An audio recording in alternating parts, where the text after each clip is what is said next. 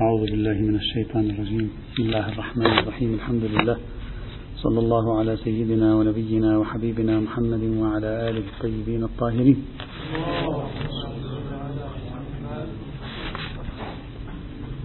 كان كلامنا في المنطلق القرآني أو الأدلة القرآنية التي يمكن أن تذكر لإثبات قاعدة نفي السبيل بمعناها الواسع. وصلنا إلى الآية الثالثة وهي قوله تبارك وتعالى ولن يجعل الله للكافرين على المؤمنين سبيلا في الآية رقم 141 من سورة النساء.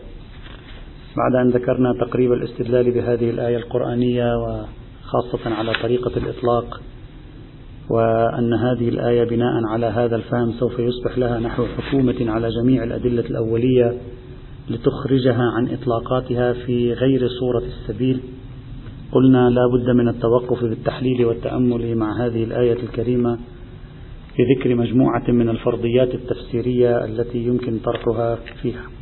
الفرضية الأولى التي طرحناها هي أن هذه الآية مطلقة تشمل جميع معاني نفي السبيل الإنشائي والتكويني إلا ما خرج بالدليل. مطلقة. هذا الاحتمال الذي ذكرناه سابقا، هذا الاحتمال نتركه الآن لنرى سائر الاحتمالات بعد ذلك ننظر في مدى سلامة هذا الاحتمال. الاحتمال الثاني كان أن يراد نفي الحجة والدليل للكافر على المسلم. للكافر على المسلم. في يوم القيامة وقد عزز ذلك بروايتين مع قرينة آه كلمة لن وكذلك مع قرينة فالله يحكم بينكم يوم القيامة وذكرنا هذا بالأمس. هذا الاحتمال الثاني هذه الفرضية التفسيرية الثانية تواجه مجموعة من الملاحظات. الملاحظة الأولى قالوا هذه الفرضية أن المراد نفي الحجة للكافر على المؤمن في يوم القيامة فقط. قالوا هذا يلزم منه التكرار في الآية القرآنية الكريمة. كيف؟ قال فإن الآية قبل ثانية قالت فالله يحكم بينكم يوم القيامة. الله يحكم بينكم يوم القيامة. هذا معناه أنه سيحكم للمؤمن. يعني هذا واضح يعني. فلماذا يقول ولن يجعل الله للكافرين على المؤمنين سبيلا؟ أجبنا بالأمس. لا يوجد أي تكرار مخل. الله يحكم وهوية حكمه نوعية حكمه ستكون لصالح المؤمنين إلى حد لن يكون للكافر أي سبيل على المؤمن يوم القيامة. أي أي حزازة في الآية لا أدري. لا يوجد فيها أي شيء على الإطلاق. هذه كانت الملاحظة الأولى. الملاحظة الثانية. إحنا أمس وصلنا إلى الملاحظة الثانية. الملاحظة الثانية ما ذكره الشيخ اللنقراني رحمة الله تعالى عليه على ما جاء في قواعده الفقهية. قال مجرد سبق الحديث في هذا المقطع في هذه الآية عن يوم القيامة لا يفرض تخصيص الجملة موضع الشاهد بالآخرة.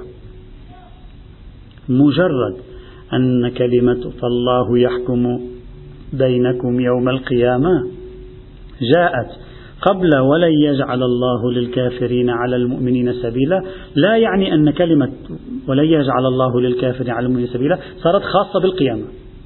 لا يعني ذلك. لماذا؟ قال لأن المورد لا يخصص الوارد. موردها القيامة وهي قاعدة عامة.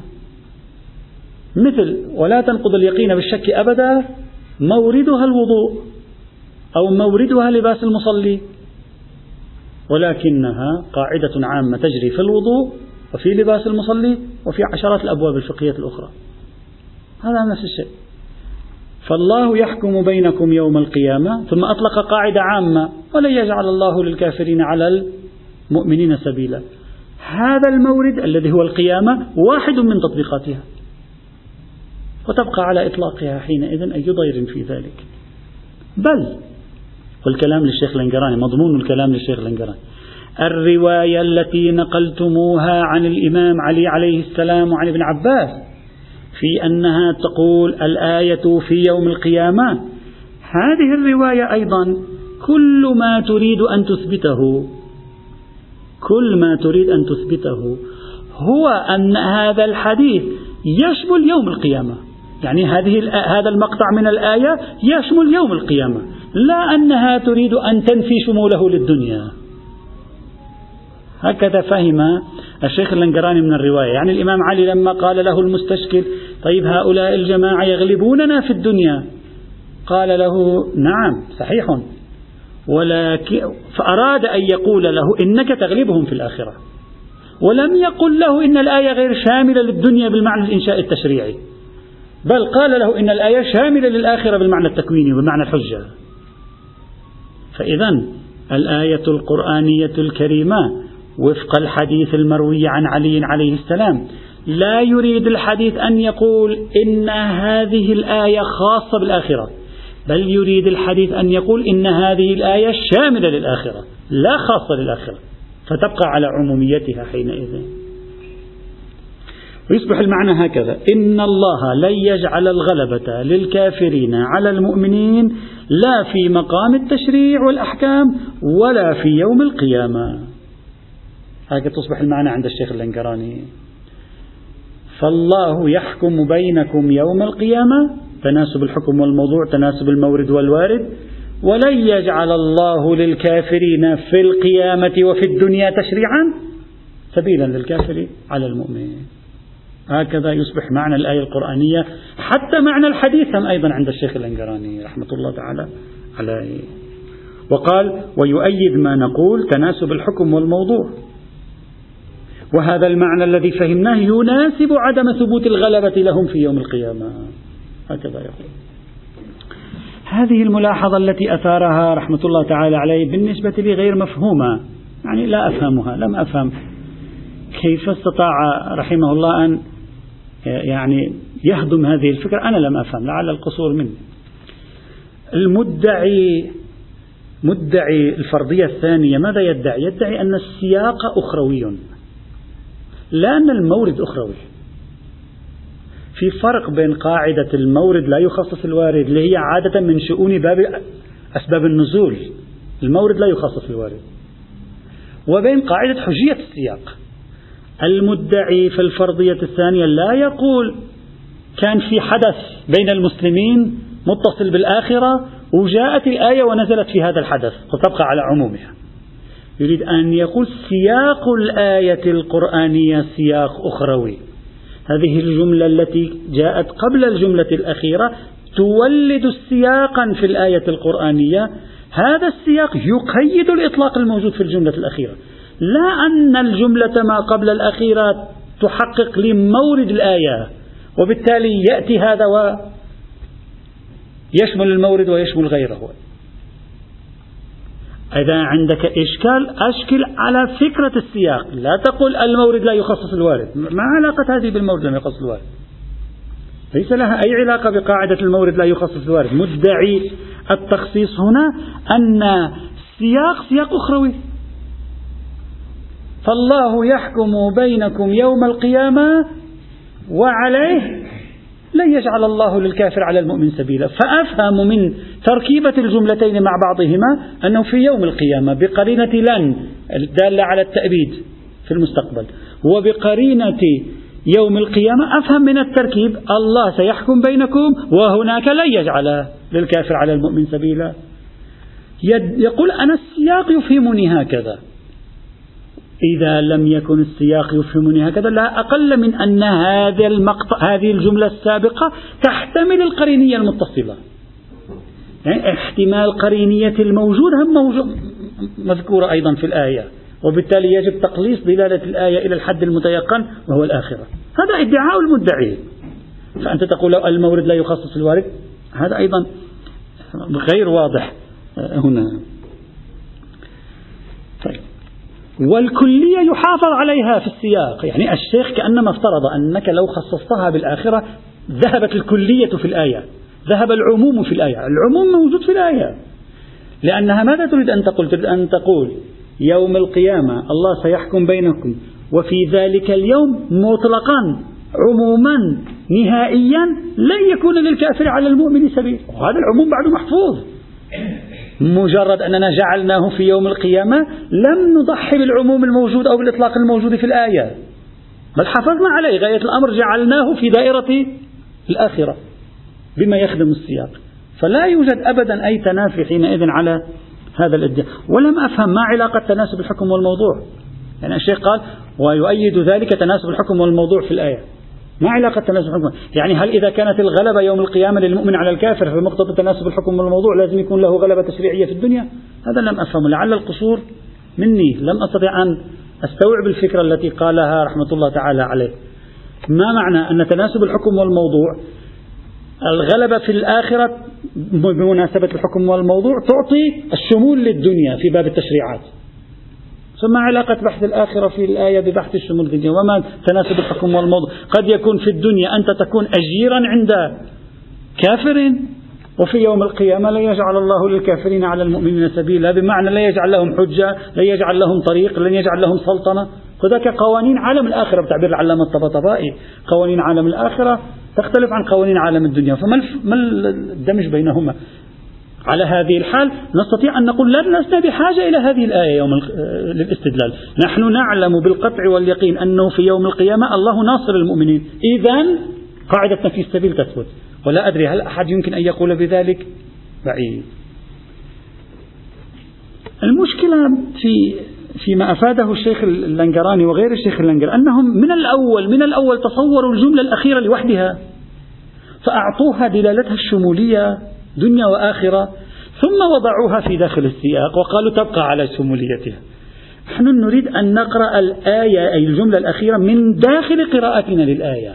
هل تولد موسعة أو لا. لا أنك تولدها موسعة عندما تفصلها لوحدها. ثم تقول لي هل إذا وضعتها في السياق سيؤدي ذلك إلى التخصيص؟ ممكن ما يؤدي للتخصيص. لكن أنا أتكلم في باب ضيق فمركية أنا أتعامل الآن مع قرينة متصلة ضيق فمركية مش مع النص عقد له شمول وأريد أن أضعه ضمن السياق لأرى هل هذا الشمول سوف يهدم أو لا. إشكالية الموضوع هكذا. يعني كأنما مفروض في ذهنهم أن الإطلاق شامل لحالة الإنشائيات في الدنيا. ووضعنا هذا الإطلاق داخل هذه الآية؟ إيه نعم ممكن ما ينهدم. لكن الكلام كل الكلام في أصل العقاد الإطلاقي عند قراءة الآية القرآنية الكريمة. إذا فهذا الذي أفاده آه، رحمه الله غير آه، يعني واضح في هذا السياق. وأما الحديث أما موضوع الحديث موضوع الحديث مشكلة. قال الحديث لا يدل على أنه ليس في الدنيا شيء. يدل على أنه في الآخرة شيء. الحديث واضح المستشكل أتى يستشكل على الإمام عليه السلام يقول له مولانا كيف تكون هذه الآية جارية ويلاحظ الدنيا؟ مع أنها في الدنيا نحن نغلب أحيانا. الإمام قال له اقرأ الآية. انظر يوم القيامة. ماذا تفهم من هذا؟ تفهم أنه يريد أن يقول له هذه شاملة ليوم القيامة أو يريد أن يقول له ليست شاملة للدنيا؟ أصلا ينفعه سلام الله عليه أن يقول هي شاملة الآخرة ثم ماذا يستفيد إذا كان شاملة؟ هو أصلا بصدد النفي شمولها للدنيا لا بصدد شمولها للآخرة. السائل لم يسأله أتشمل الآية الآخرة؟ فقال له انظر يوم القيامة. إيه هنا؟ نعم صحيح. السائل يستشكل بشمولها للدنيا فالإمام كأنما يريد أن يصرفه عن شمولها للدنيا لكي يؤكد له بقرينة من داخل الآية على أنها بالآخرة. فكيف يكون حديث الإمام عليه السلام فقط بصدد أن يؤكد الشمول للآخرة ولا يريد أن يصرف الشمول عن الدنيا؟ يبدو لي هذا الأمر غير واضحين. إذا الملاحظة الثانية على هذه الفرضية التفسيرية الثانية غير واضحة أيضا. حتى الآن الفرضية التفسيرية الثانية هذه إن لم نقل ظاهرة الآية ظاهرة فيها فلا أقل من أنها محتملة. الملاحظة الثالثة. أشكلوا قالوا كما ذكر أيضا الشيخ اللنجراني وذكر ذلك من قبله السيد البجنوردي في القواعد الفقهية أيضا. قالوا الاستشهاد بالرواية المنقولة عن علي عليه السلام وبالعباس غير صحيح. لماذا؟ أولا الرواية ضعيفة السند هذا واحد. ثانيا الغرض من الرواية نفي الغلبة التكوينية الدنيوية. لا نفي التشريع. هو السائل شو سأل الإمام؟ لاحظ. السائل سأل الإمام قال له كيف يمكن هذه الآية تكون صحيحة؟ والمفروض أننا نغلب. في الدنيا أحيانا يتسلطون علينا. فالإمام ماذا أراد أن ينفي؟ أراد أن ينفي الغلبة التكوينية الدنيوية. فماذا قال؟ قال له لاحظ الغلبة هنا التكوينية غلبة أخروية. هل هذا المقدار ينفي الغلبة الإنشائية التشريعية؟ أبدا لا ينفي فتبقى على إطلاقها. يعني الحديث لا يريد أن ينفي الغلبة التشريعية. الحديث يريد التشريعية الدنيوية الحديث يريد نفي الغلبة التكوينية الدنيوية. وبالتالي لا يدل الحديث على نفي الغلبة التشريعية الدنيوية. هذا ما يريده المستشكل هنا. المحقق المراغي متوفى سنة 1250 في كتابه العناوين الفقهية وهو من الكتب القيمة. فصل أكثر في هذه الملاحظة خاض أكثر في هذا في ملاحظة الرواية. قال السبيل المنفي بهذه الآية القرآنية عام يشمل الحجة وغير الحجة. أنت تقولون ولن يجعل الله للكافرين على المؤمنين حجة يوم القيامة. من أجل كلمة حجة؟ كلمة حجة ما موجود. سبيلا أعم أي سبيل للكافر على المؤمن؟ مسلوب منفي. سواء كان الحجة أو غير الحجة هذا واحد. والروايات لا تفيد الحصر في الآخرة. بل تكشف عن الشمول للآخرة. كما قلنا قبل قليلا تكشف عن الشمول للآخرة لا الحصر في الآخرة. بعد إذا صار عندنا عدة أشياء. قال أولا السبيل كلمة أعم من الحجة. فلا يحق لكم أن تقولوا ولن يجعل الله الكافرين على المؤمنين حجة. السبيل أعم. الحجة أحد السبل المنفية. ثانيا الروايات الواردة في المقام لا تفيد الحصر بالآخرة تفيد الشمول للآخرة. ثلاثة لو أخذنا بهذه الروايات فيلزم منها تخصيص الكتاب الكريم بخبر الآحاد. وهو يقول يقول فيه ألف كلام. هو يقول فيه ألف كلام. هذه قضية تخصيص خبر الواحد بالآحاد يعني بتدوخ اللي ما بدوخ. إذا فيه ألف كلام كل الفقه مبني على تخصيص خبر واحد الكتاب بأخبار الآحاد. عليه تعالى الآن صار فيها ألف كلام. هذه ثلاثة. بعد لو سلمنا هذا التخصيص مستهجن عرفا لأنه تخصيص الأكثر. قل تخصيص الأكثر هذا. لأن الآية ماذا تقول؟ ولا يجعل الله للكافرين على المؤمنين سبيلا كل أنواع السبل. كل أنواع الطرق كل أنواع السلطنات منفية تشريعي تكويني دنيا آخرة إلى آخره. فأنت تقول المراد منها بحسب الرواية فقط وفقط خصوص سبيل الحجة يوم القيامة. هذا تخصيص الأكثر. فتكون الرواية مرفوضة تارة لأنها تخصص الكتاب وهي أخبار أحادي وأخرى لأنها إذا خصصته توجب تخصيص الأكثر المستهجن عرفا غير مقبول. بعد هذا أربع. بعد يقول جعل هذا الخبر قرينة على إرادة المجاز في الآية أن كلمة سبيل يراد منها الحجة. جعل هذا الخبر قرينة على المجاز في الآية القرآنية الكريمة مخالف للظاهر. جعله قرينة المجاز مخالف للظاهر. لا يعقل أن يؤخذ هذا الخبر. وبهذا يترجح أن نحمل نفس هذا الخبر على أنه يريد بيان بعض أفراد السبيل اللي هي السبيل الذي يوم القيامة لا أنه يريد أن يحصر أفراد السبيل بالحجة يوم القيامة. هذا يضيف إلى ذلك المحقق المراغي قال الكافر هذه نقطة مهمة الكافر لو كان مالكا للمسلم فلكان هذا واحد من أعظم الحجج للكافر على المسلم يوم القيامة. يعني من أعظم حجج الكافر على المسلم أن يكون الكافر مالكا للمسلم في الدنيا. هذا من أعظم الحجج. فالخبر العلوي الذي يدل على نفي الحجة للكافر عن المسلمين في الآخرة يدل على نفي مالكية الكافر للمسلم في الدنيا. إذا أنت ما استوعبت الفكرة ترى ما في مشكلة. هي الفكرة شوية هكذا. يقول الدليل نفس الدليل الدال على نفي اللي هو الرواية العلوية. نفي الحجة للكافر على المسلم في الآخرة. الحجة سلمنا الحجة. في الآخرة هو يدل على نفي مالكية الكافر للمسلم في الدنيا. نفي بمعنى إثبات قاعدة نفي السبيل. هو نفسه هذا. لأنك إذا كنت مالك إذا كان الكافر مالك لشخص مسلم في الدنيا فإذا له الحجة عليه في الآخرة. أنا هذه رح نحللها الآن كيف هذا؟ لا نحللها شوي حتى نفهم ماذا يريد المحقق المراغي من هذه الدعوة هنا. وعليه وعليه فهذا الخبر أي الرواية العلوية المؤيدة أيضا برواية ابن عباس في أن هذه الآية خاصة بالآخرة لا يرجع إلى محصل لا نستطيع أن ننفي فيه قاعدة نفي السبيل. إما لأنه نفي السبيل أعم من الحجة وغير الحجة. اثنين الرواية لا تفيد الحصر بل تفيد الشمول للآخرة.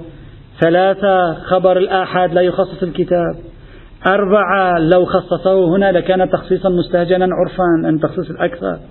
خمسة جعل الخبر مفيدا لدلالة مجازية في الآية بتفسير كلمة السبيل بمعنى الحجة خلاف الظاهر. ستة لو كانت كلمة السبيل في الآية بقرينة الرواية بمعنى الحجة في الآخرة لدلت أيضا على قاعدة نفي السبيل في الدنيا. ست إشكالات عمليا ضمها المحقق المراغي هنا مع بعضها في هذه المقاربة النقدية. أما الميرزا النائيني ومن تبعه مثل سيد البجنوردي قالوا الآية ظاهرة في قاعدة نفي السبيل. الرواية الرواية تدل على البطون. خلاص. أنت بس تدل على البطون. خلصتنا من أمر الرواية. الرواية تدل على البطون وهذا ظاهر. نحن نتكلم في الظاهر. الآية ظاهرها إفادة قاعدة نفي السبيل. الرواية لا تسلب هذا الظاهر. لماذا؟ لأنها لا تتكلم عنه. لا تتكلم عنه. تتكلم عن بطون. بطن من بطون هذه الآية أن لا حجة للكافر على المسلم يوم القيامة. بمجرد أن يقول كلمة بطون يعني فك الارتباط بين الظاهر والباطن بقي الظاهر على حاله الباطن هم أضيف إلى الظاهر. هذا حاصل إفادة الميرزا النائيني ومن تبعه. هذه من الملاحظات المهمة التي ذكرت هنا في التعليق على أمر الحديث الوارد عن الإمام علي عليه السلام. هذه الملاحظة بأطرافها يمكن التعليق عليها. أولا صرف النظر عن موضوع الحجية. الصدرية أصلا هذا الحديث ليس بثابت. فنحن فايتين ببحث. هو الحديث أصلا ليس بثابت. رواه الطبري وما أصلا سنده لا يؤخذ به هذا الحديث. طبعا رواية ابن عباس ابن عباس شو شغل نحن في ابن عباس يمكن اجتهاد من ابن عباس هذا. ويمكن هم ابن عباس ما عرف ننجبه فإذا هو الحديث أصلا ليس بثابت. يعني لا نريد أن نقول نحن نتبنى الحديث واستدلالنا وكل قيمة البحث هي في هذا الحديث لكن لنسلم أن هذا الحديث ثابت ونريد أن نناقش الآن.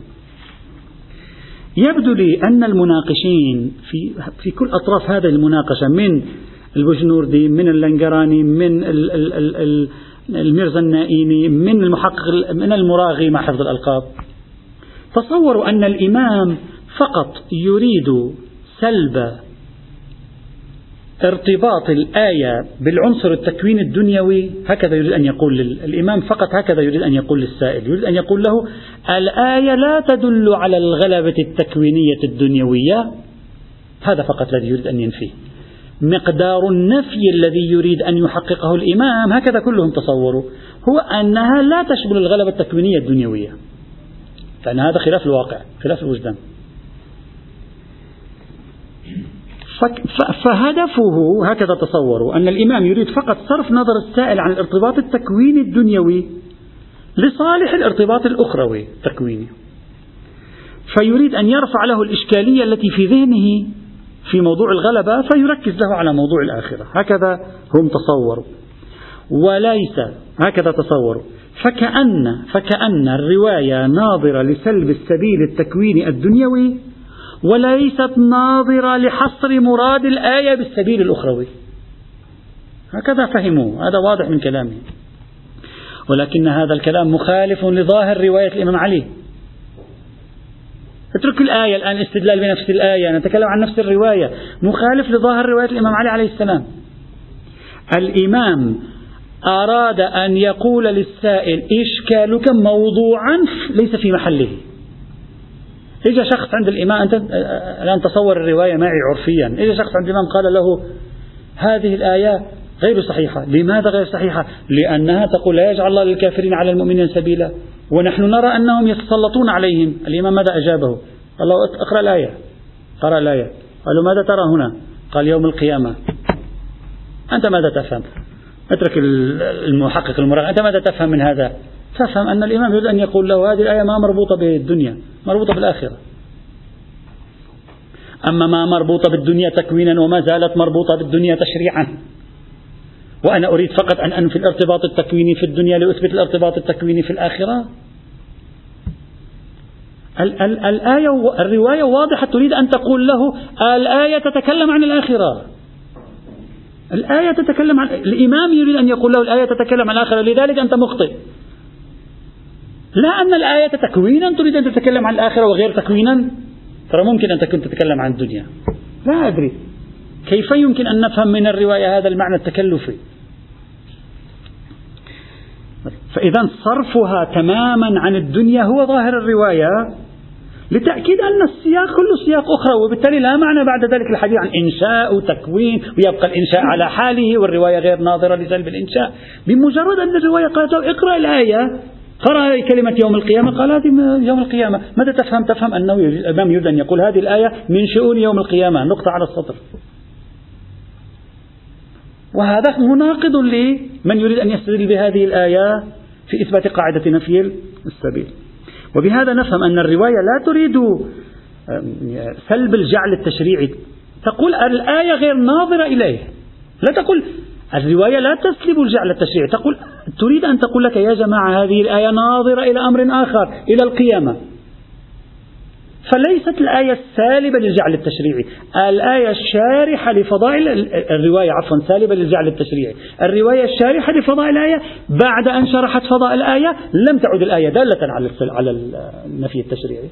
هذا هو المعنى الموجود في المقام. وبهذا يبدو لي غريبا ما ذكره المحقق المراغي من أن الآية لا تفيد الحصر. بل تكشف.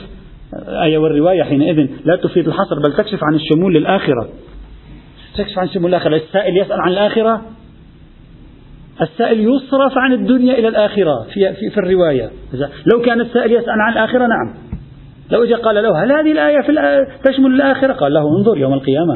إذا إيه نعم هذا نقبل به. أما يريد أن يصرفه عن الدنيا لصالح الآخرة. هذا أولا.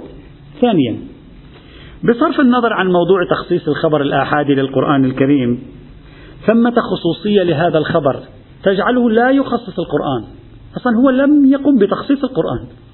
الخبر تفسيري ليس الخبر في مقام إنشاء قانون في مقام شرح الآية من داخل الآية. هذا هي خصوصية في هذا الخبر. الإمام ما إجا قال له سائل مولانا ولن يجعل الله للكافرين على المؤمنين سبيلا أم قال له الإمام في باب الملكية. نعم في باب الملكية تخصيص. أين هذا التخصيص في الآية؟ لا تجده. هذا التخصيص منشأه الرواية. أما في هذه الرواية أبدا الإمام لم يفعل ذلك. ماذا فعل؟ قال اقرأ الآية. نفس أن الإمام يقول له اقرأ الآية أو هو يقرأ له الآية ما معنى؟ يعني يريد أن يرشده إلى التخصيص من داخل الآية نفسها. لا أنه يريد أن يخص لا فنحن الآن بهذا الخبر لا نريد أن نخصص الآية بالخبر. نريد أن نستفيد من هذا الخبر في الكشف عن وجود مخصص للآية من, من الآية. يعني حجية هذا الخبر حجية كاشفية على طريقة العلامة الطبطبائي. العلامة الطبطبائي هكذا كما بحثنا في العام الماضي مفصلا العام ما قبل الماضي مفصلا عن نظريته في تفسير القرآن بالقرآن. يقول أنا الرواية تلفتني إلى الدلالة التي في القرآن. لا أنها تقول لي شيئا وليس له عين ولا أثر في القرآن. تعلمني كيف أكتشف القيد في القرآن. تعلمني كيف أكتشف القرينة في القرآن. هذه الرواية واضحة؟ لا تسمى هذه الرواية مخصص. هذه الرواية إن كانت حجة فهي كاشفة عن مخصصية كلمة يوم القيامة للقاعدة للذيل لا عن تخصيصها بنفسها للذيل فرق بينهما. فحجيتها في كاشفيتها عن المخصص في النص لا في مخصصيتها هي للنص. وبالتالي حتى لو لم تقبل محققنا المراغي حتى لو لم تقبل بأن خبر الواحد لا يخصص الكتاب العزيز هذا خارج عن بحث تخصيص الكتاب بأخبار الآحاد. هذا لا ربط له حين إذن بهذه القاعدة هنا. هذا ليس من تخصيص الكتاب. وبهذا يظهر أيضا تخصيص الأكثر بعد لا معنى له الذي أشكل به المحقق. لا, لا يوجد تخصيص أكثر لأنك إنما تقول تخصيص أكثر كما درسنا جميعا في الأصول. تخصيص أكثر يعني انعقد الإطلاق والعموم هنا. وجاء مخصص خارجي بعد انعقاد الإطلاق والعموم وأراد أن يخرج الأكثر. وهذا إخراج مستهجن عرفا الرواية لما أرشدتني إلى كلمة يوم القيامة في داخل الآية لم يعد هناك تخصيص مستهجن ولد مضيقا. ضيق فمركية صرنا عم نتكلم عن قرينة متصلة. لا أن الرواية تقوم بتخصيص النص القرآني حتى نقول تخصيص أكثر. أصلا لم يولد موسعا حتى تخصصه الرواية. لا أدري إذا فكرة واضحة. وعلى أيضا إشكالية التخصيص الأكثر بلا معنى. أما إشكالية المجازية إشكالية المجازية نقبل معه فيها. أنه كلمة سبيل بمعنى الحجة. نتخلى عن كلمة الحجة. لا يجعل الله للكافرين على المؤمنين يوم القيامة أي سبيل. جيد؟ وهذا خلاص هذا هم تنفعنا. ومنه الحجة.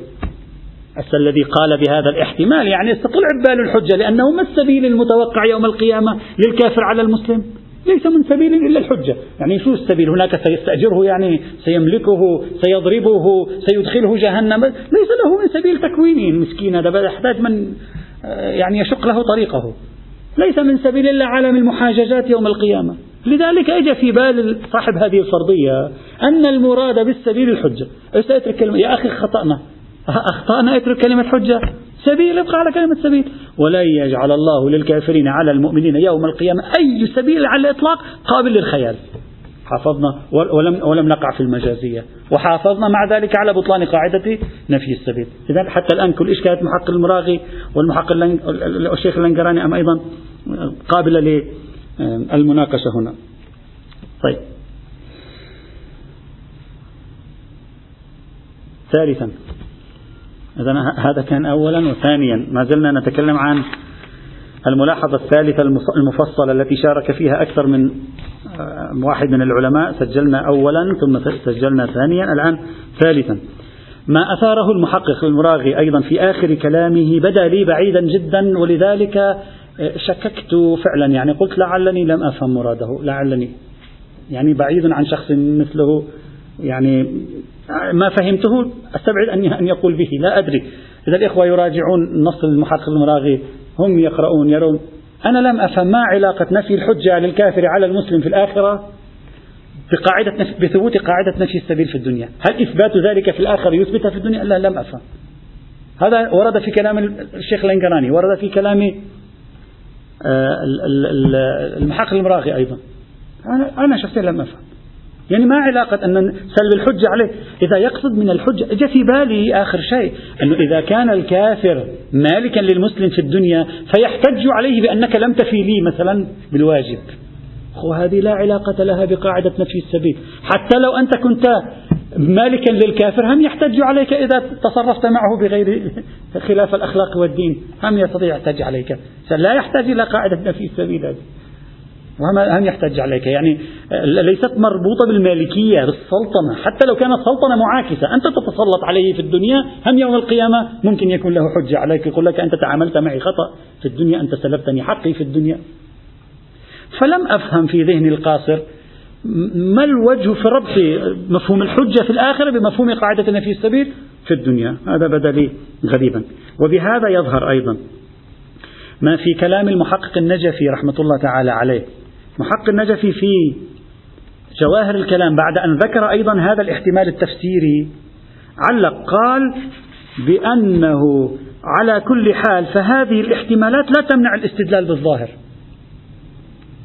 هذا أيضا هم لم أفهمه يعني المحقق النجفي يقول حتى لو كثرتم من الاحتمالات في تفسير هذه الآية هم لا يمنع من الاستدلال بها على نفي مالكية الكافر للمسلم للعبد المسلم.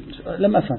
إذا هذا الاحتمال جاء في في بابنا هنا كيف تقول بأنه لا إلا إذا يقول هذا الاحتمال ليس إلا مصداق من مصادق الكل. وهذا تقدم. أيضا هذا غير واضح. هذا ثالثا. رابعا وأخيرا لم أفهم أيضا كثر عدم فهمي هذه المرة. لم أفهم أيضا لماذا أقحم الميرزنائين رحمة الله تعالى عليه فكرة البطون. ما علاقة البطون بالموضوع؟ الإمام يرشد السائل إلى الآية. ويقول له أين القرينة؟ أي علاقة للبطون آه والله لا أفهم يعني لا أدري. حقيقة أحيانا في في كاتب اسمه الدكتور آه، نسيت. حمودة أظن.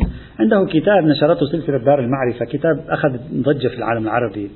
اسمه في كتابين نشروا في سلسلة عالم المعرفة المرايا المقعرة. والمرايا المحدبة كتابين أخذوا ضجة كبيرة في العالم العربي بصفة يعني هناك نقد للفكر العربي وللمثقف العربي نفسه في هذين الكتابين. هذا صاحب الكتاب حمودة أظن نسيت اسمه الإخوة الذين يحبون يطالعوا عن نوع من الكتب كتاب قيم حقيقة يعني يقرأ. يقول أنا في البداية كنت أقرأ للمفكرين والمثقفين العرب. أقرأ تعرف اللغة الجديدة يحشونك بالمصطلحات وكذا أقول ما كنت أفهم شيء. قلت أقول أنا ما أفهم. يبدو أنني ضعيف. أقرأ مرة ثانية هم أقول ما أفهم شيء. ومرة وثانية وثالثة وأخذت وأتعودت بعدين قلت لا لا ينبغي لي أن أجلد ذاتي إلى هذا الحد. يبدو هم لم يقولوا شيئا. فلا أدري هل, هل, هل, ينبغي أن أقول لم أفهم عليه أو أقول غريب ما قاله الميزاني لا أعرف لكن أقول فعلا نقول لم أفهم عليه. ما ربط الموضوع هذه الرواية ببطون القرآن؟ بطون القرآن. لا يقول فيها الإمام انظر إلى القرينة وافهم ويسكت السائل. بطون القرآن عادة عندما يلقيها الإمام السائل يتلقاها بنحو التعبد لا بنحو الإرشاد إلى قرينتها الظاهرية في الآية. فإذا لا علاقة لهذه الروايات ببطون القرآن الكريم. الملاحظة الرابع عبلي. لا ليست باطن هذه دلالة ظاهرية. دلالة ظاهرية في الرواية. لأن لأن المرزنين ماذا يريد أن يقول؟ يريد أن يقول الآية ظاهرها يبقى على حاله وهذا إضافة بطنية. لو قال مصداق لو ممكن. إلا إذا قصد من البطون المصداق لا لا أدري لكن بعيدة يقصد هذا. إذا قصد من البطون المصداق لا بأس هذه تكون نفس مراد غيره أيضا. الملاحظة الرابعة يأتي إن شاء الله. ما ذكره ابن العربي. يأتي. الحمد لله رب العالمين.